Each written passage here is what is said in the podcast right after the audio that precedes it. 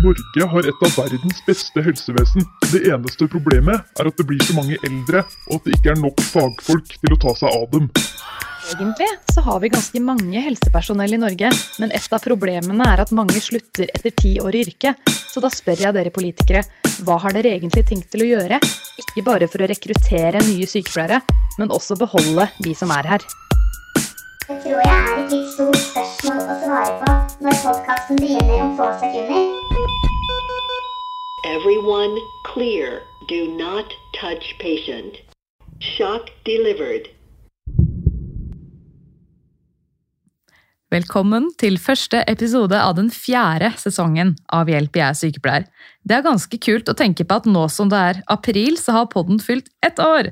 Så da sier jeg bare gratulerer med dagen, kjære podkast, og velkommen til sesongens første gjest, kreftsykepleier Eirik Arlov. Tusen takk. Ja, nå er du her på bursdagsfeiring. Ja, ja, ja. ja. Stas med bursdag. Men vi skal ikke snakke så mye om eh, podden, vi skal snakke om deg og yrket ditt og jobben din. Så skal vi kjøre på med tre kjappe. Kjør på. Hvorfor ble du sykepleier?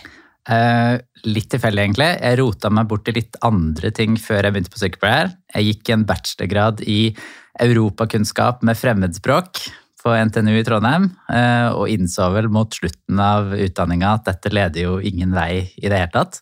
Nei. Og så hadde jeg en sånn liten, koselig deltidsjobb som kjøkkenvert på St. Olav sykehuset. Så jeg sto i oppvasken og, og rydda skyllerom og sånne ting. Og så skulle de kutte ned på stillinger, sånn at sykepleierne måtte jobbe på kjøkkenet isteden. Ja. Eh, og så fikk jeg tilbud om å være med ut i pleien på den avdelinga der jeg var mest, som var på blodsykdommer med leukemipasienter. Altså mens du jobba som kjøkkenvert? Yes. Ja. Eh, jeg kjente avdelingssykepleieren, da. Eh, så hun, eh, hun tenkte at eh, det var verdt et forsøk. Og så fikk jeg to opplæringsvakter, og så ble jeg kasta rett ut med eh, kreftsyke 20-åringer som var, svevde mellom liv og død. Wow. Så det var kjempeskummelt, men jeg hadde liksom en annen følelse når jeg gikk hjem fra jobb og jobba med disse pasientene, enn når jeg sto og vaska kopper. Det var liksom veldig Det ga deg litt mer kanskje enn oppvask? det var veldig slitsomt, men det var veldig meningsfullt også. Ja. Så hadde jeg en veldig fin uh, sommer uh, der jeg jobba sammen med en jeg gikk på skole med. Han var legestudent, og, eh, og jeg, da hadde jeg begynt på sykepleien. Da, der vi liksom fikk virkelig sånn dypdykk i, i kreftsykepleie. Så det var inngangsporten. Mm. Eh, hva er det beste med å være sykepleier? Eh, det Jeg syns at sykepleier er veldig ærlig eh, og veldig direkte. Og uansett hvor slitsomt det er, eller hvor rolig det er på jobb, så kommer man hjem liksom med en følelse med at du har utgjort en forskjell. Det spilte en rolle at det var du som var der, og det spilte en rolle at det var en sykepleier som var der.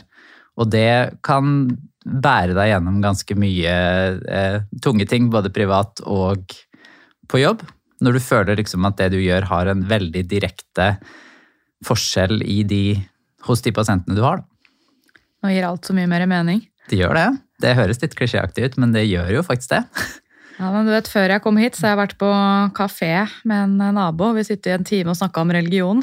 Ja, Så det er liksom, ting faller litt på plass. Ikke altså, jeg er ikke spesielt religiøs av meg, men det er sånn noen ting bare gir mening når man begynner å snakke litt i dybden.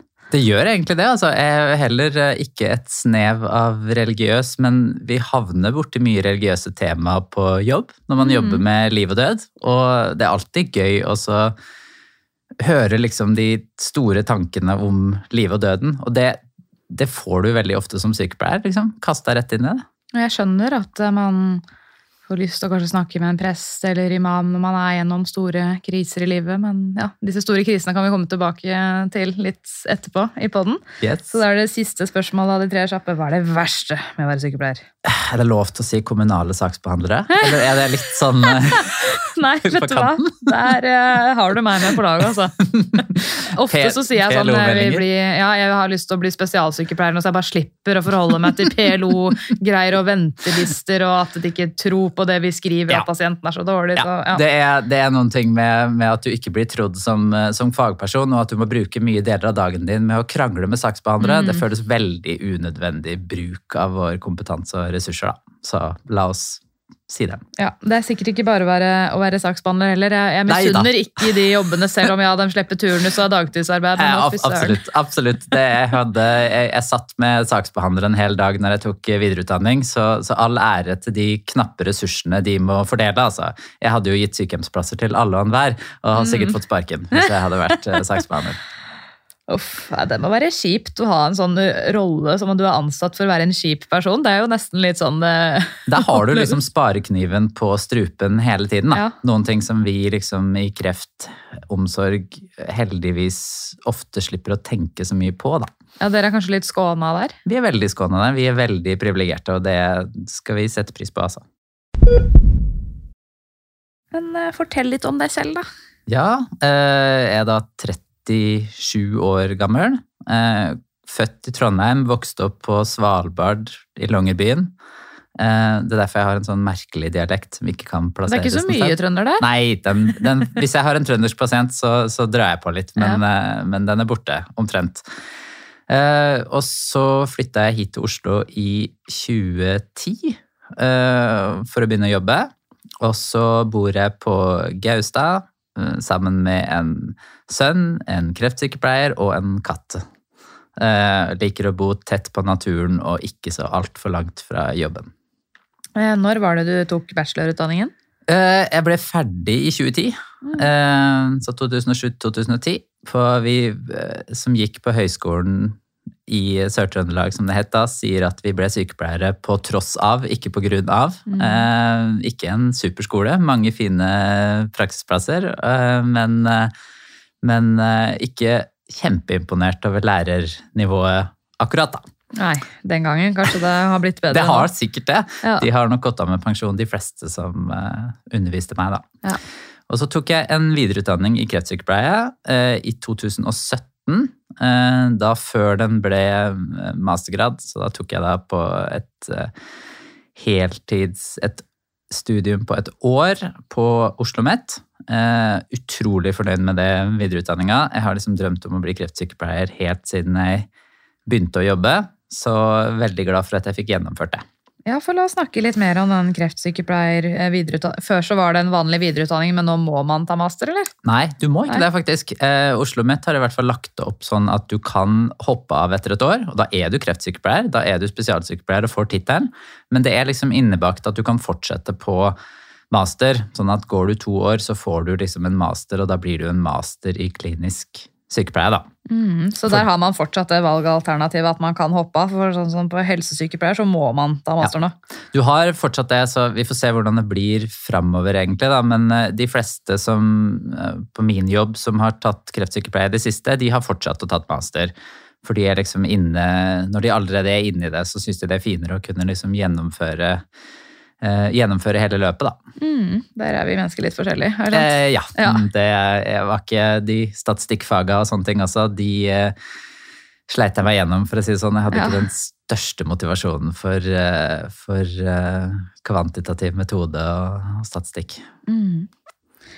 Så er liksom det store spørsmålet, hva er egentlig kreftsykepleie? Det ligger jo litt i ordet, men du skal få lov til å svare på det likevel. Ja, eh, kreftsykepleie er utrolig bredt. Eh, vi jobber jo eh, egentlig da med Noen jobber med barn, eh, og mennesker liksom fra to år til 104. Eh, felles for alle er jo at de har en kreftsykdom.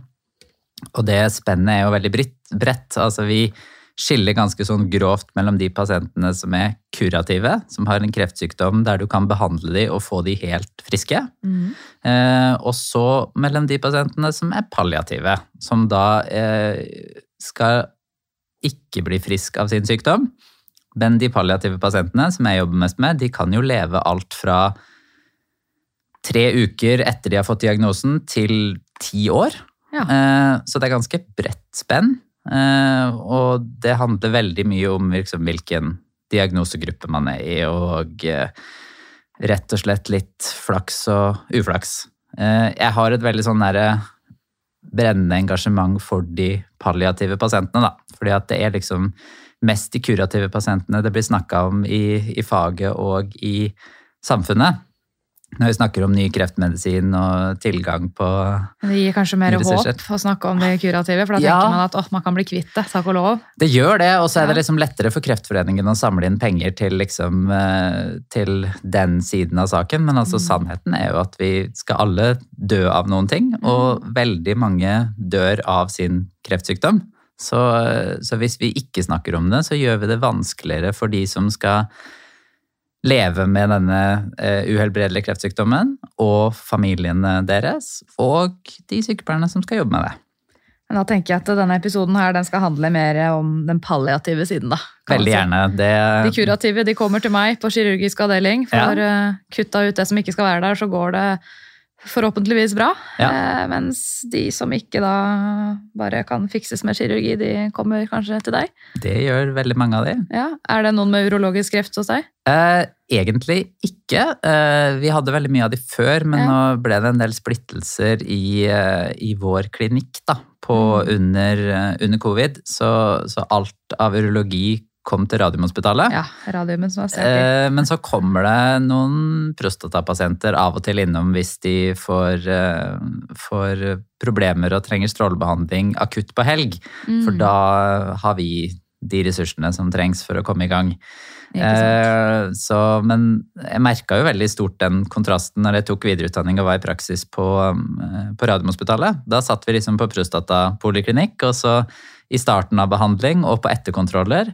Og alle de var liksom femårskontroll og treårskontroll og hadde det helt fint. Egentlig ingen plager. eh, Og ganske sånn stor kontrast til det som jeg jobber med i hverdagen. Men det er veldig fint å kunne se den kontrasten. Da ser du liksom spennet i faget. Men ja, dine pasienter skal vi litt tilbake til senere. Men jeg bare lurer på litt mer om denne videreutdanningen.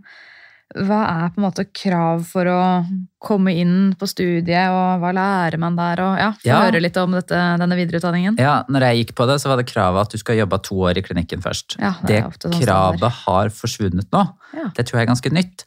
Det er vel, kan vel være greit. Vi har diskutert det litt på jobb. Jeg tror jo at det er godt for deg som menneske og sykepleier å jobbe to år før man tar en videreutdanning. For da tror jeg du har litt mer byggesteiner å, å bygge det på. Så er man litt mer trygg på seg selv. Mm. Eh, men, eh, men hvis man har litt, en del erfaring før man går på sykepleien og jobber en del, så tenker jeg at man kan hoppe rett på. Kreft videreutdanning handler en god del om å lære om kreftsykdommene i seg selv. Hva som forårsaker kreft, eh, de forskjellige krefttypene, og eh, hvordan vi kan forebygge kreft. Hvordan vi kan behandle kreft som har oppstått. Så da i liksom litt hovedgrupper om cellegift, om strålebehandling, eh, som er liksom de to store, og målretta behandling og immunterapi, som er liksom blant det nyeste, men som begynner å komme til nesten alle grupper. da. Mm. Så, og så har vi også veldig god undervisning om kommunikasjon. For det er utrolig viktig i all sykepleie. Veldig viktig i kreftsykepleie, for der vil vi være til stede når det gis mye dårlige nyheter. Eh, og vi vil, må kunne være liksom en delaktig partner til å ta imot ganske mye eh, tøffe beskjeder som pasientene får. Stå i mye liksom vondt, men også i veldig mye håp og veldig mye sånn samhold og kjærlighet. Mm. Så det handler liksom, mye av den kommunikasjonen handler det om å klare å kommunisere håp til pasientene, samtidig som du gir dem en realistisk informasjon om hva man kan forvente. Sånn at man kan planlegge og balansere livet sitt etter det som liksom passer best for deg selv. Så, så både liksom det veldig sånn tekniske og anatomiske og liksom cellenivå, men Mhm. også det medmenneskelige med kommunikasjon. Og jeg har troa på at altså, tar du kreftsykepleie videreutdanning, så lærer du veldig mye mer som du kan bruke overalt i sykepleien.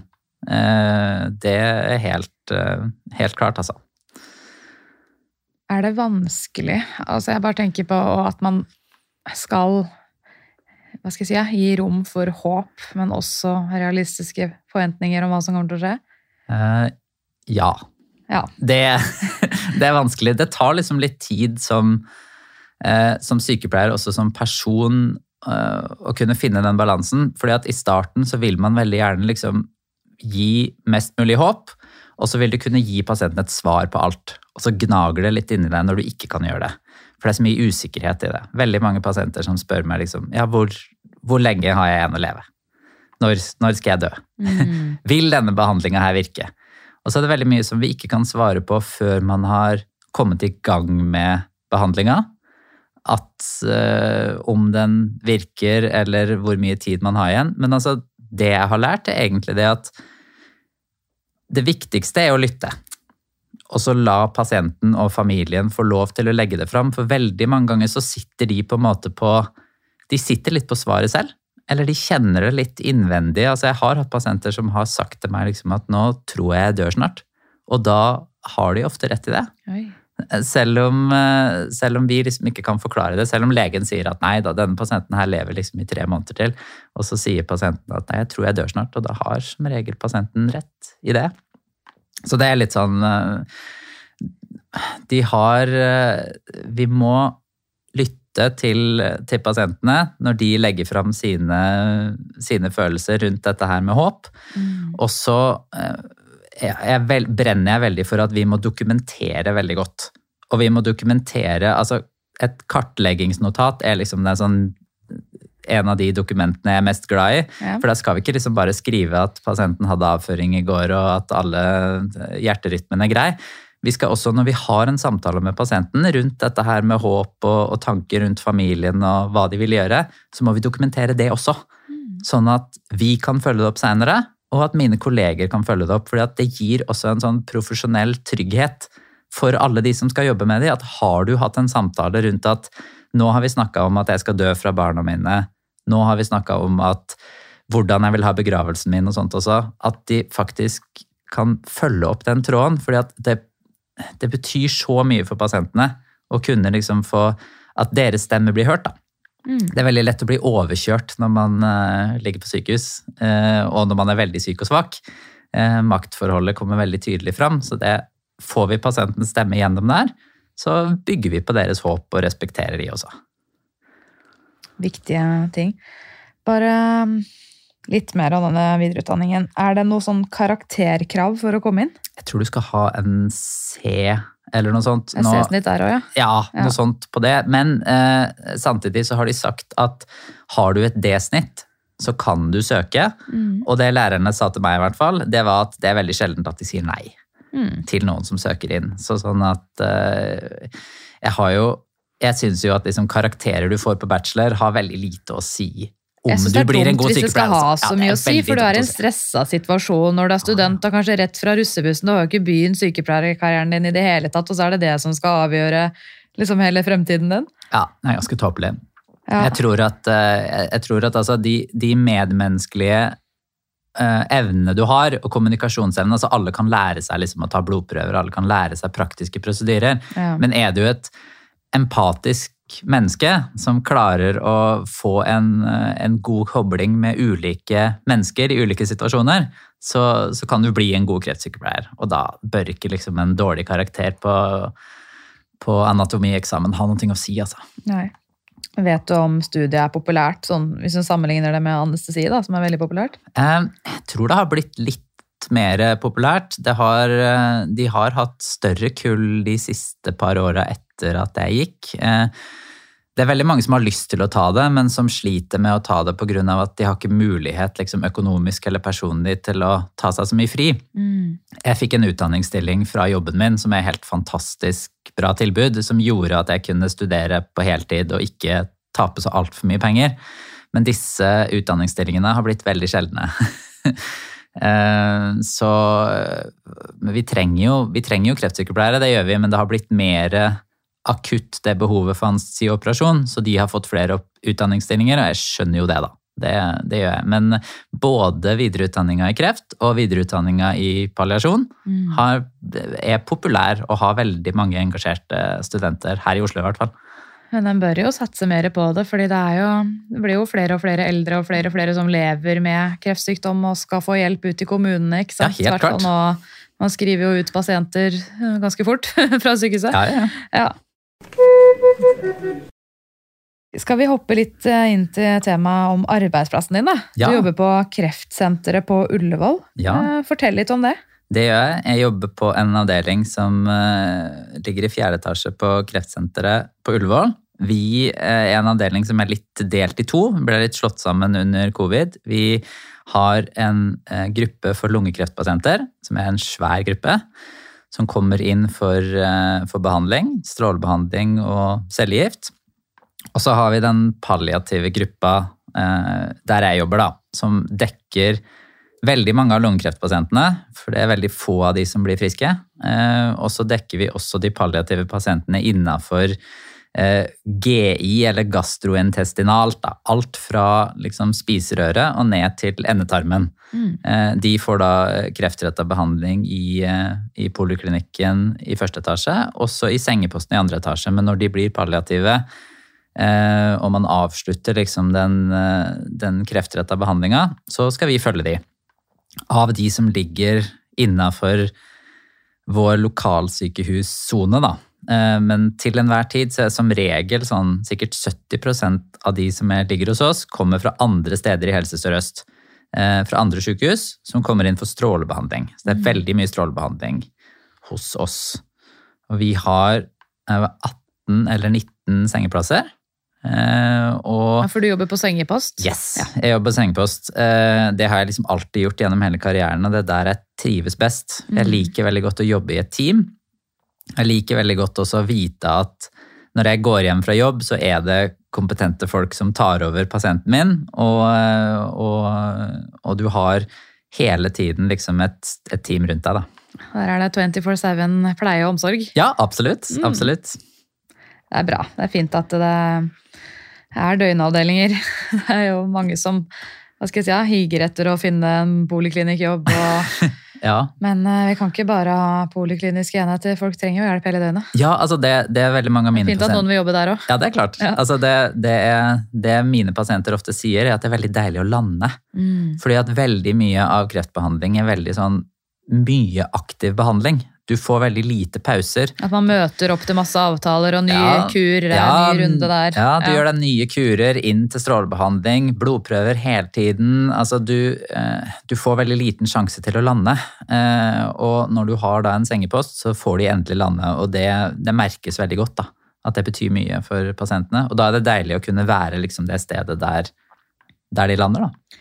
Ja, for da kommer jo mitt neste spørsmål. Du sier de lander hos deg. Er det på en måte siste stopp, eller kommer de hjem igjen etter å ha vært hos deg? Og... For, for en del, altså det, det, det går litt sånn i bølger, da. Ca. 30% av de pasientene som vi følger og behandler hos oss, de dør hos oss. Ja. Eh, Så det er jo en del sammenligna med andre steder. Mm. Eh, Av de som hører til andre lokalsykehus, så, så, så blir jo veldig mange sendt tilbake etter endt strålebehandling og sånt også. Så, men vi har jo pasienter som vi følger Jeg har hatt pasienter jeg har fulgt i fire-fem år. Eh, som, eh, som ønsker gjerne å dø hos oss når, eh, når det er tida for det. Eh, men veldig mange dør også på lindrende plasser på sykehjem.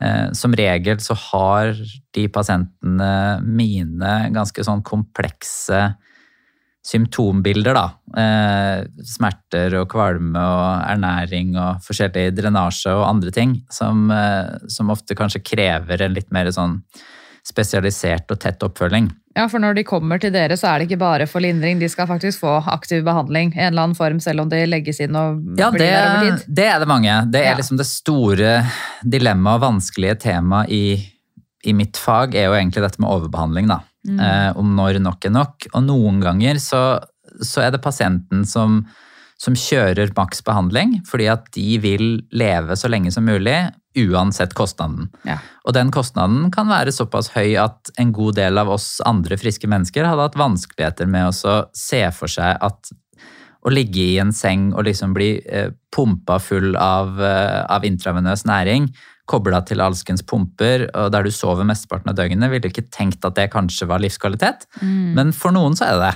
For andre så er det kanskje det som holder håpet oppe. At man Ja, prøver det- alt man kan få. Ja, og det er det som er litt interessant med det. Og da er det jo greit, for da legger vi oss liksom på pasienten sin, eh, sin eh, linje ja. og følger liksom det de, eh, det de ønsker. Da føler du at du gjør en god jobb. Men hvis du føler at behandlinga overkjøre pasienten litt. Og hvis du merker at de er veldig svake, og legen sier liksom nå prøver vi med litt mer antibiotika, nå tar vi en cellegiftkur til, nå kjører vi i gang med stråling, og så ser du at jeg tror denne pasienten kommer til å dø under denne behandlinga, da føles ikke det riktig. Mm. Eh, Så det er et stort dilemma. Hva slags type behandling er det mest av hos dere? Eh, mest strålebehandling, Ja. eh, og da både strålebehandling som smertelindring, da da primært hvis da kreften sprer seg til skjelettet, som gir smertefulle metastaser, så bruker vi strålebehandling som smertelindring. Eh, og en stor pasientgruppe er de som har da malign medullakompresjon, der kreftsvulstene sprer seg og trykker inn mot ryggmargen og gir da risiko for nerveskader eller liksom permanente svekkelser. Det er liksom øyeblikkelig hjelp. Det må stråles ganske fort for at man skal ha en sjanse for å gjenvinne funksjonen eller bevare funksjonen. da. Hva er det som skjer egentlig når eh, kroppen stråles? Hva skjer med tumor? Ja, Det det skjer, er at vi klarer som regel ikke å bli kvitt hele den svulsten, eh, men vi prøver å bremse veksten Krymper den? og krymper den eh, med en sånn avansert oksygenprosess som jeg eh, ikke fulgte så altfor mye med på på videreutdanninga. Jeg tenker at sånne ting spiller ikke så veldig mye rolle på cellenivå. cellenivå. Men det Eh, krymper svulsten, da. Det gjør det for å dempe trykket, og så bruker vi da mye steroider, dexametason vanligvis, da, for å dempe, dempe trykket. Eh, Så de kommer jo liksom fra den hovedsvulsten, som regel, og noen kreftformer har en mer lei tendens til å spre seg til skjelettet, Mm. og lungekreft er en av de, så da er det veldig mange av de lungekreftpasientene som får denne her problemstillinga, da. Strålinga, ligger man inne i en sånn slags trommel, eller klarer du på en måte å beskrive det litt sånn billedlig for Ja, lytterne? hvis, hvis andre har liksom sett en litt sånn nyere CT-maskin, eh, så ligner strålemaskinen veldig på en CT-maskin. Du ligger på et ganske hardt bord, som er helt ganske likt det som du ligger på i en CT-maskin, og så har du en stor sånn stråletrommel over deg. Du ligger ikke helt tett inni, da, så det blir ikke som å ligge i en sånn klaustrofobisk MR. Eh, og så kjører den maskina eh, rundt hele kroppen din. Det spørs litt hvor du skal stråles. Det tar ikke mer enn sånn Selve strålinga tar ikke mer enn ti minutter, kanskje. Men forberedelsene med å stille det inn liksom på millimeteren, det kan ta litt lengre tid, da. Og kan være litt vrient for pasienten å ligge på bordet, eh, siden mange av de har smerter og sånt i ryggen og i, i, i bekkenet. Og, så god smertelindring og planlegging er veldig viktig. Kan man kjenne strålene? Nei, eh, det kan du ikke. Så det er litt sånn absurd og rart for pasientene. Til at de føler liksom at eh, om de tror på at dette her funker. Eh, og strålebehandling begynner å fungere med en gang, men det fortsetter å fungere etter du er ferdig med selve behandlinga, og så fortsetter det å funke i tre-fire uker etterpå, før det har hatt maks effekt. Så sånn at det å spå eller se hvor god effekten er, det ser vi ikke sånn sjeldent vi ser det mens de er innleggende, da. Det ser man kanskje etterpå, men vi veit jo liksom at strålebehandling kan være god smertelindring. Mm. Det, det er mange som får mange runder med, med strålebehandling. Eh, og så har vi også litt de litt mer ekstreme, tøffere behandlingene der du stråler mot hjernen, f.eks. Hvis du har spredning til hjernen, da må man da ha på seg en sånn maske. Er det Spesialstøpt nettet som er Yes. over? Jeg har sett Ja. bilder av det. Så Det- kommer det sånn kryss på ansiktet ditt som er Mhm. strålende, og, ikke sant? og så nagler du deg på en måte fast i bordet for at du skal ligge helt i ro. Eh, kan være litt tøft. Ja. Eh, kona mi tok videreutdanning og fikk, eh, i kreftsykepleie og fikk prøve en sånn maske, der de laga en maske til henne. Oi. Og det var ikke noe spøk. Nei.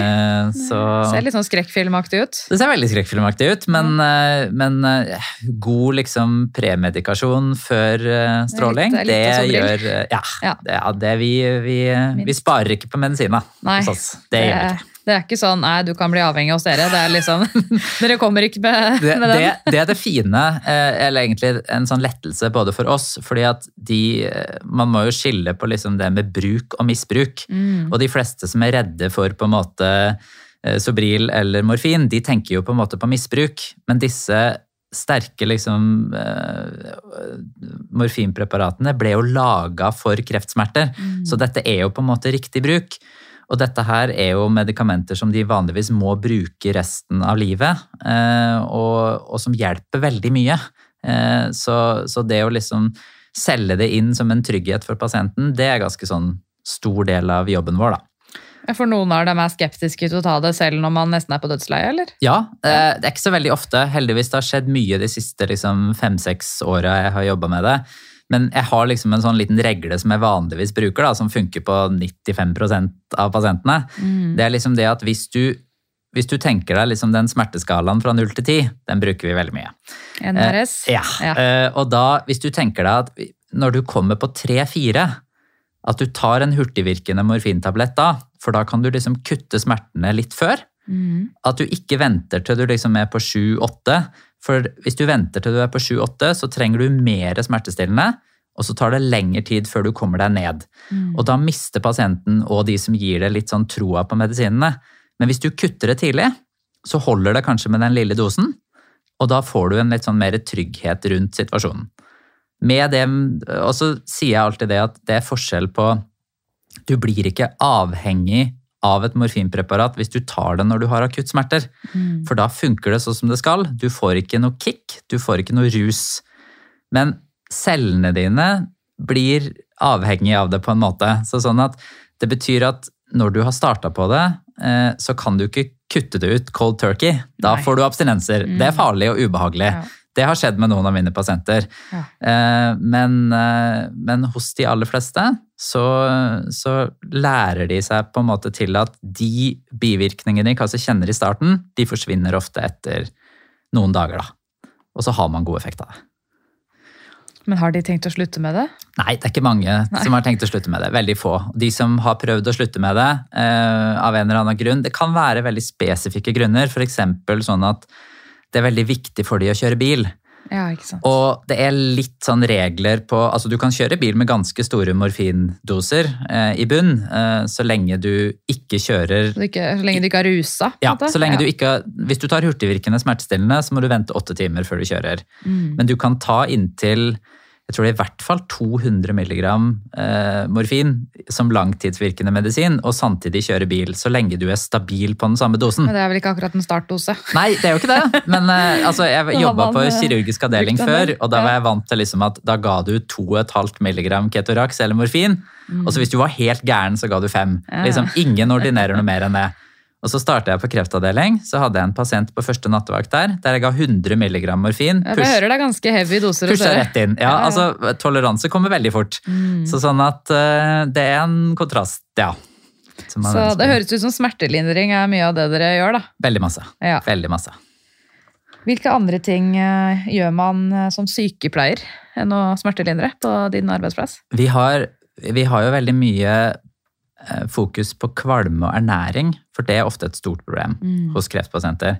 Veldig mange pasienter, særlig de med eh, kreft i spiserøret og de med lungekreft, har kanskje gått ned 30 kilo på, i løpet av to måneder. Altså det høres jo ut som det ikke går an, men det gjør jo det. Ja.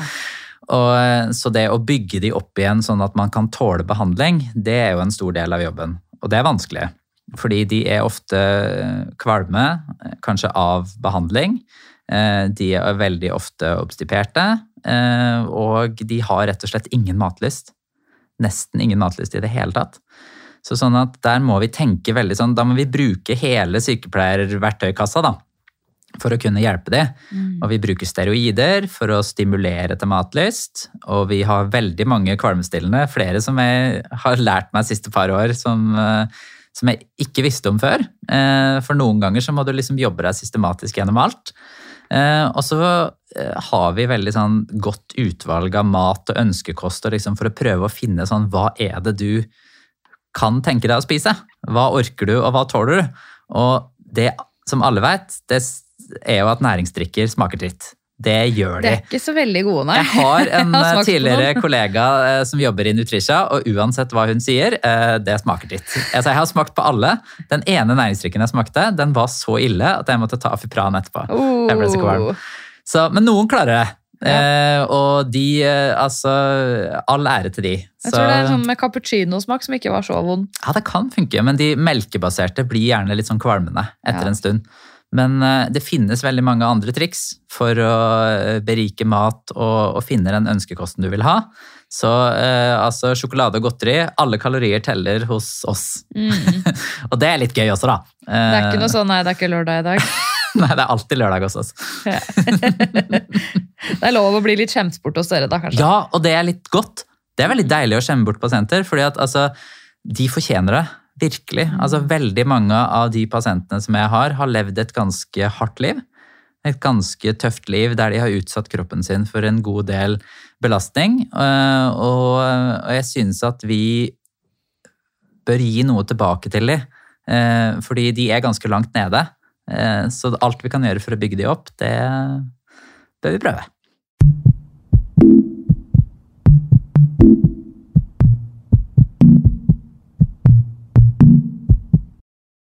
Ja, men du, Da hopper vi til Q&A-delen, for nå er det bare et kvarter igjen.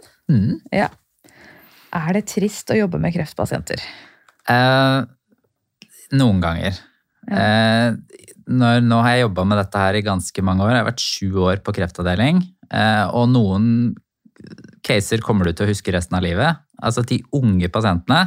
Nå er det ikke så veldig mange av de hos oss, men vi har hatt pasienter som er like gamle som meg, og pasienter som har barn som er like gamle som meg. For du jobber på voksenavdeling, så Ja. alle er over 18. Alle er over 18, Ja. men vi har pasienter som er nede i 20-åra og i 30-åra. Det er veldig sjeldent, men vi har kanskje én eller to i året, og de husker man veldig godt.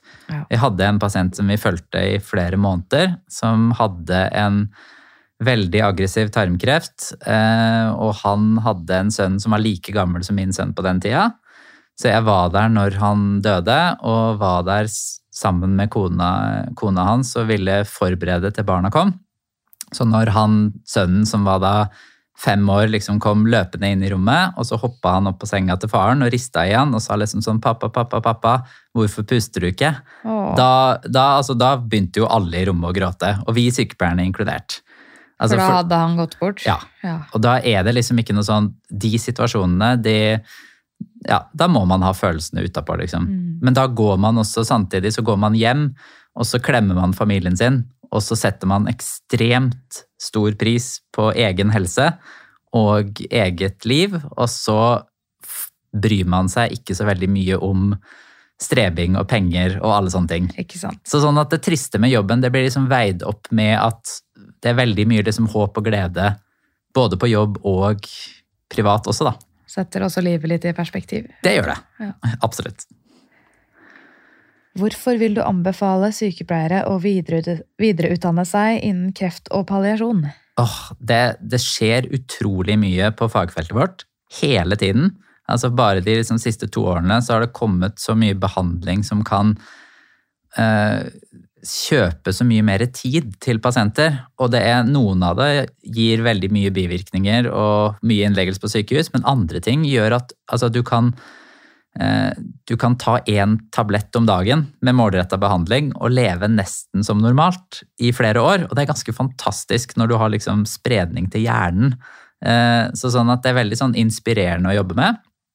Og som jeg nevnte tidligere, så, så er vi i et fagfelt der man har mye ressurser.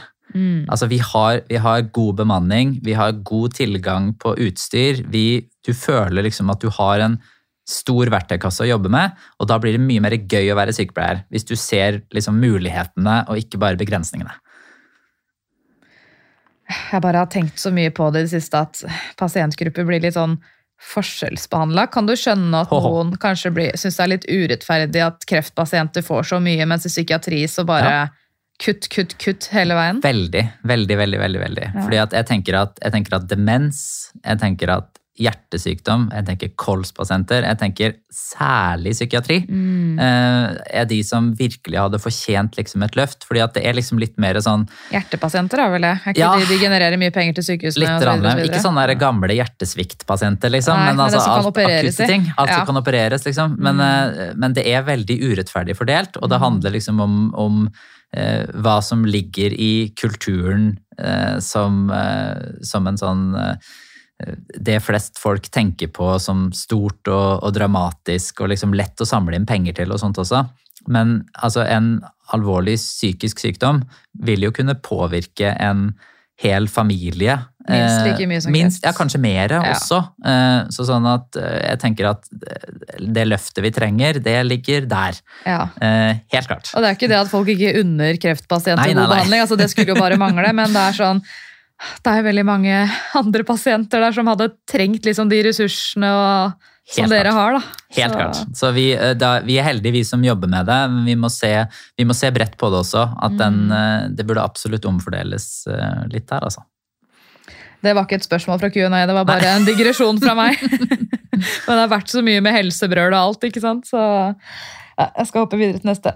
Hvordan ivaretar du og dine kolleger pårørende Nei, barn som pårørende? Ja, Det snakket jo litt, eller var litt inne på det i stad. vi har, eh, vi har ganske mye barn som pårørende inne. Vi har, to, eh, vi har tre ressurspersoner på vår avdeling som spesifikt eh, har barneansvar, men alle har et ansvar for å kartlegge barn som pårørende. Det skal man gjøre hvis du har barn under 18 år, og det skal dokumenteres i journal, og vi skal spørre hvem som tar vare på barna når foreldrene er innlagt. Vi skal spørre om de får oppfølging på skolen gjennom helsesykepleier. Vi skal spørre om familien trenger mer ressurser. Da er det jo ekstra viktig å vite hvem er det som skal følge pasienten og barna videre. Fordi er det en pasient som vi skal følge, der vi er lokalsykehus, så er det ekstra viktig til at vi holder tråden hele veien. Hvis det er en pasient som kommer inn for fem strålebehandlinger, og så skal de hjem til sitt hjemsted, som ligger utafor Oslo, da er det viktig at vi spiller ballen videre. For det er veldig dumt hvis vi starter noen store prosesser hos oss, og så har ikke vi muligheten til å følge det. Så at noen ser barna og dokumenterer deres behov, og veldig viktig for oss at de kommer, får komme på besøk eh, når som helst. Fordi at det er mye skumlere å sitte hjemme og tenke på sykehuset og tenke på behandling. Da blir ofte barn mer redd og usikker. Hvis de får komme på sykehuset og eh, føle seg velkommen, og at vi har liksom litt gaver til dem, og at vi har is, og at vi For dere verter dem litt opp. det gjør vi. Det gjør vi. vi skjemmer de bort skikkelig. Eh, og vi har lekehjørne, og vi har bøker, og vi har, uh, vi har eh, tilgang på liksom egne rom de kan være. Så. Eh, sånn at da blir det mindre skummelt å være barn på besøk. Og det, da, da blir ikke stemninga inne på rommet så trykka heller, når de får komme.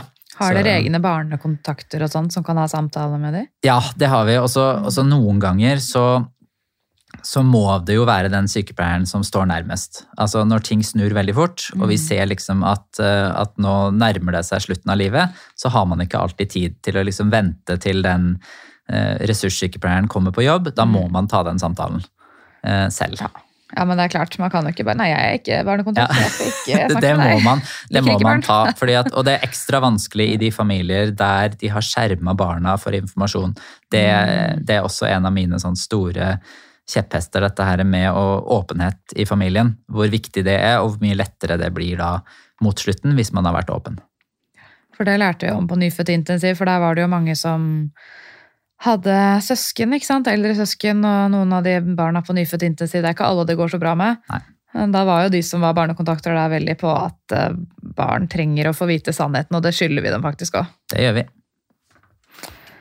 Skal vi se der vi- Ja. Hva tenker du om pasienter som drar til utlandet og kjøper seg behandling som ikke tilbys i Norge?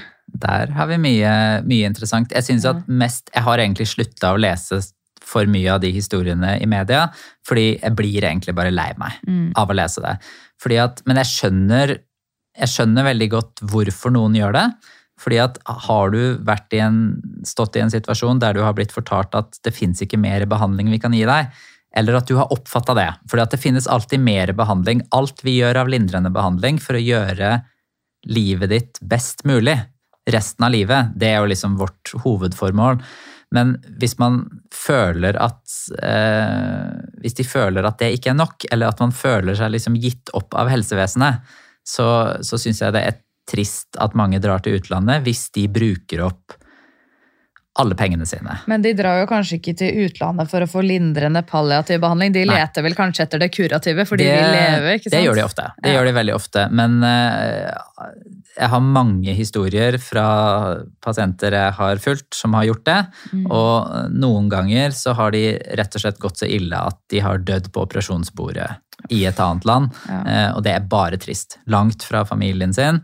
Eh, De bruker veldig mye penger på behandling som gir de utrolig mye plager og bivirkninger. Og den spiser opp flere måneder av livet deres som de kunne ha hatt litt mer i ro, som de kunne ha hatt litt nærmere familien. Men så finnes det en del som altså Har du masse millioner på bok og drar til utlandet for noe som kanskje gir deg liksom velvære og eh, det, dette med alternativ behandling og annen behandling, så, så fins det et spenn der, da. Eh, Det, det gjør det. Men de fleste historiene jeg har, er, er veldig sånn sketchy behandling i, i det gikk Mexico ikke og helt som Tyskland. hadde håpet på. Nei, det, gjør det, det gjør det veldig sjeldent, altså. Og det spiser opp tida. Ja, trist.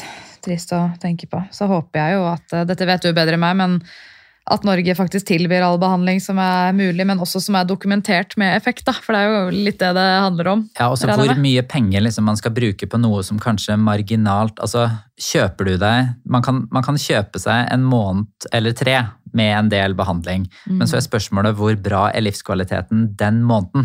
Er man inne på det Quali, er det ikke det det heter? ligger, Ja. du liksom, ligger du på sykehus og kaster opp, eh, blir immunforsvaret ditt så dårlig at du, at du trenger antibiotika døgnet rundt? Altså, er det, er det verdt det? Mm. Det er en eh, lang diskusjon.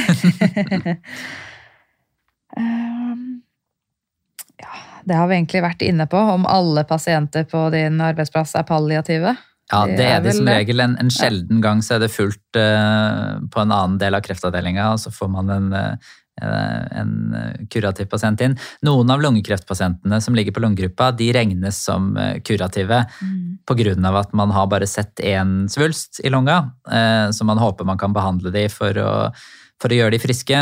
Dessverre så har lungekreft en veldig tendens til å komme tilbake, da. Så kanskje man eh, ja, kanskje man kan bli eh, være uten tegn til kreft et år eller to, eh, og så kommer det ofte tilbake. Så, så veldig få. Hvordan tilrettelegge best mulig for de som ønsker hjemmedød? Ja, eh, det skrives veldig mye om hjemmedød i både fagtidsskrift og sånt. Da skrives det veldig mye fra akademikere og professorer som sitter på høyskolene om at Norge er dårligst i Europa, og kanskje dårligst i verden på hjemmedød. Og- det er, det er helt greit. Men eh, når de sammenligner med at liksom, for 100 år siden så bodde man i, i en gård hele generasjonene sammen, og da var det naturlig å dø hjemme. Eh, Det som er den viktigste faktoren for våre pasienter, er at de har gjerne levd veldig lenge med kreftsykdommen sin. De har veldig komplekse plager, og den siste tida så trenger de kanskje hjelp til avansert smertelindring. De kan være forvirra, de kan være veldig urolige. Eh, Så sånn at det å dø hjemme er en veldig stor Kan være en veldig ressurskrevende for familien. Så det krever at du har et nettverk rundt deg med både profesjonelle, det har vi jo mye av i Oslo, med hjemmesykepleien og Fransiskushjelpen, men det krever også at familien stiller opp mye. Og jeg har vært i noen situasjoner der vi har fått det til veldig, veldig bra, der de har vært fornøyde, men det sliter familien veldig ut.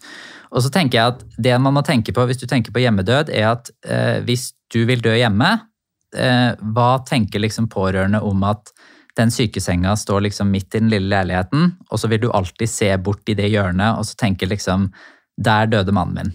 Det var der han døde. Altså du skal, de pårørende skal leve videre i sine egne hjem, så de må tenke om det er greit for de. Jeg har mange pasienter der vi bruker dager på å så jobbe de hjem, eh, fordi at de har lyst til å dø hjemme, og så kommer de hjem, og så kjenner de seg usikre, og så har de lyst til å komme inn. Ikke sant? Eh, så, så sånn at det er ikke et veldig enkelt eh, spørsmål, men skal du dø hjemme, så kreves det hjemmesykepleie, det kreves fransiskushjelp, du trenger sykehusseng, og så trenger du pårørende som kan eh, avlaste hverandre. Så er det kanskje ikke alle som har pårørende, så jeg vet ikke, Nei. de uten pårørende, ønsker de ofte å dø hjemme, eller vil de dø på sykehus? sjeldent eh, Jeg har vært borti at det har skjedd, og der de har fått det til, men da har hjemmesykepleien strakket seg Da ekstremt må langt. hjemmesykepleien flytte inn omtrent, da. Omtrent. Ja. omtrent. Så, Mm. så uten pårørende er det vanskelig, men mange av de kjenner seg liksom tryggere, tryggere på sykehus. Så, sånn at i den store liksom, død hjemme-debatten, så også tenke litt på at mange har et høyt trykk av symptomer på slutten av livet. Eh, og er du forberedt på å sitte oppe om natta eh, som pårørende og, og bytte på og sånt også, så, så kan det bli en veldig fin opplevelse eh, som respekterer pasienten sitt ønske, men det er ikke for alle. Nei, jeg husker da jeg jobba i hjemmesykepleien, så var det jeg som skulle dø hjemme, og det tok jo så lang tid. Mm. Det tok ukevis. Det kan gjøre det. Og da bytta vi rullerte da hjemmesykepleien, så det alltid var noen der til enhver tid. Mm. Men det, det tok lang tid. Det kan ta veldig lang tid, så Ja. det, det er en sånn eh, det, det er ikke bare det er ikke, det er ikke bare en enkel avgjørelse da, til at, eh, at man skal dø hjemme. Jeg skjønner, Oi, nå har vi to minutter igjen, så må vi være ferdig. vi rekker ikke alle spørsmålene. Uh, vet du hva, jeg tror kanskje vi bare hopper til det siste spørsmålet. Ja. Hva er det mest givende med jobben din? Det mest givende med jobben min er at de pasientene og pårørende eh, har jo ikke tid til å gå rundt grøten. Så med en gang du kommer på jobb, så kommer du så tett på eh, et menneske og en familie.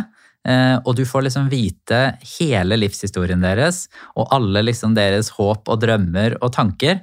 Og det er, finnes vel nesten ikke noen andre jobber eller situasjoner der man kommer så tett på mennesker så fort. Eh, og det er ganske fascinerende, og også veldig gøy. Eh, fordi at vi lever jo liksom så altså Nordmenn er jo litt sånn inneslutta og har ikke lyst til å sitte sammen på bussen med noen de ikke kjenner, og, og hilse bare når de er liksom på skitur i marka. Men altså, på, på jobb på kreftavdeling, da får du vite alt. Det er selve ærligheten. Den er det, det er veldig, og det er det jeg liker med det. altså På godt og vondt så er det veldig, det er veldig ærlig. Mm. Eh, og det er ingenting som, uh, ingenting som legges imellom.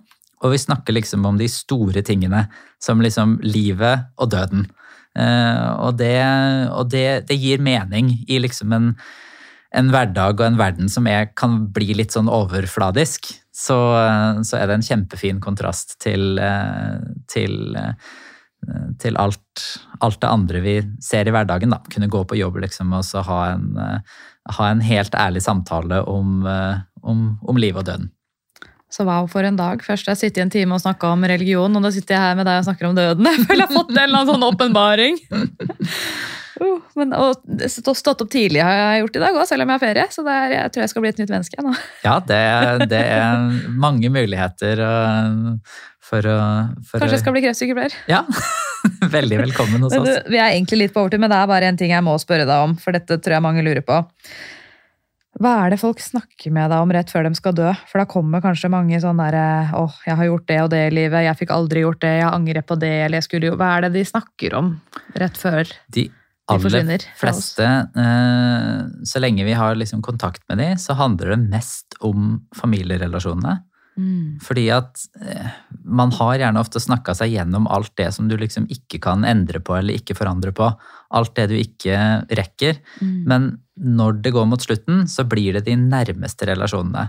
Det er som er det familien viktigste. som betyr mest. Det er familien som betyr mest, og det er helt liksom eh, grunnleggende. Og det er egentlig en ganske sånn fin, en fin ting å se, fordi at den gir deg også et sånn perspektiv på, på hva som egentlig er viktig, viktig i livet. Så sånn at vi finner som regel nesten alltid roen før noen skal dø, med liksom en blanding av de medisinene som vi bruker, og med eh, nærværet fra oss som sykepleiere, men aller viktigst liksom nærværet med familien. Har du roen nå, Erik? Eh, ja, Jeg også har som roen. regel. Skal vi legge på røret? Yes, Ja, men Tusen hjertelig takk for at du kom og gjesta podkasten min. bare Det hyggelig. fint å ha deg her. Takk for at du hørte på Hjelp, jeg er sykepleier. Hvis du likte episoden, blir jeg veldig glad hvis du vil dele den videre på relevante plattformer. Jeg blir også veldig glad hvis du vil anbefale den videre til venner, kolleger, medstudenter eller andre folk du tror kan få glede av denne podkasten. Hvis du vil få varsling neste gang det slippes en ny episode av Hjelp, jeg er sykepleier, så er det bare å trykke på abonner-knappen her hvor du hører på podkast. Hvis du vil komme med ønsker for podden, eller gi meg tips eller tilbakemeldinger, eller bare følge meg og mitt podkasteventyr, så er du hjertelig velkommen til å følge Hjelp jeg er sykepleier på Instagram. Hjelp jeg er sykepleier er også på Facebook, men det er på Instagram det er desidert mest aktivitet. Der har du også mulighet til å stille spørsmål til Q&A til fremtidige gjester av podden. Du kan også sende meg en mail, og mailadressen til Hjelp jeg er sykepleier står beskrevet i hver episodebeskrivelse.